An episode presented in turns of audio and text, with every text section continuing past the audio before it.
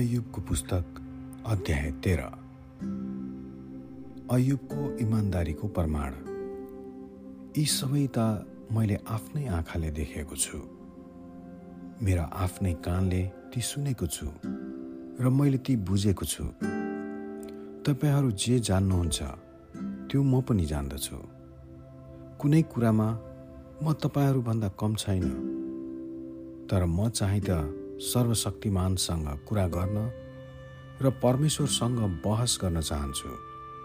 तपाईँहरू चाहिँ आफ्ना झुटा कुराले सत्यलाई कलङ्कित पार्नुहुन्छ। तपाईँहरू सबै बेकममा वैद्यहरू हुनुहुन्छ। तपाईँहरू सबै तपाईँहरू चुप लागि बसे त हुने थियो। चुप लागेकोले नै तपाईँहरू बुद्धिमान ठहरिनु हुने थियो। अब मेरो बहस सुन्नुहोस्। अनि मैले मेरो मामिला पेस गर्दा ध्यानसित सुन्नुहोस्। के तपाईँहरू परमेश्वरको पक्षमा भएर यसरी अप्रिय कुरा बोल्नुहुन्छ? अथवा उहाँको पक्षमा भएर तपाईँहरू झुटो कुरा साबित गर्नुहुन्छ? के तपाईँहरूले परमेश्वरको पक्ष लिनै पर्छ? अथवा उहाँको निम्ति मामिला पेस गर्नुहुन्छ? उहाँले तपाईँहरूको जाँच गर्नुहुँदा के सबै ठिकै पाइएला? के मानिसहरूलाई छक्याए झैँ?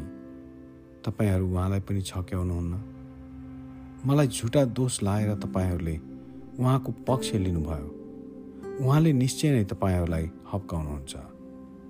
के परमेश्वरको महामहिमाले मानिस तपाईँहरूलाई भयभीत पार्दैन? के उहाँको भयले तपाईँहरूलाई विह्वल पार्दैन?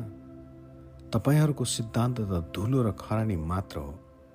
तपाईँहरूका सुरक्षा माटो जस्तै हुनेछन्। तपाईँहरू चुप लागि बस्नुहोस्।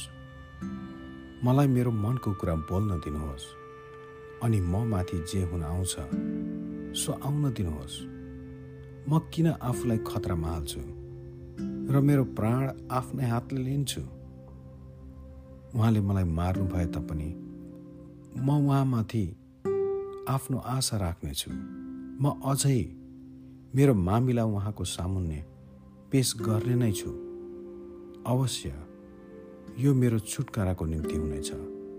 किनकि कुनै पनि ईश्वरहीन मानिस उहाँको सामुन्ने आउने आँट गर्दैन। सुन्नुहोस् मेरो कुरो सुन्नुहोस् र मेरो व्याख्यामा कान थाप्नुहोस्।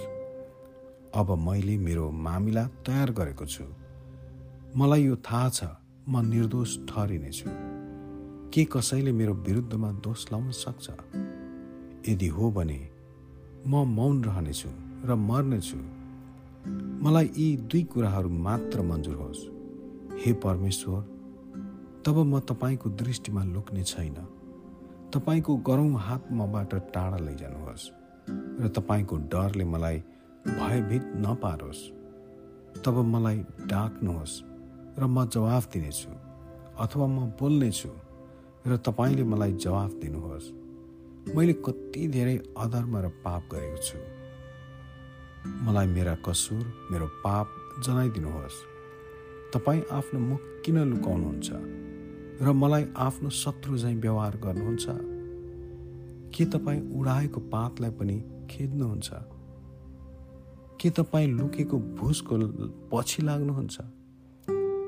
मेरो निम्ति तपाईँले दण्ड तोकिदिनु भयो मेरो युवा अवस्थाका दोष भोग्न लाउनुभयो।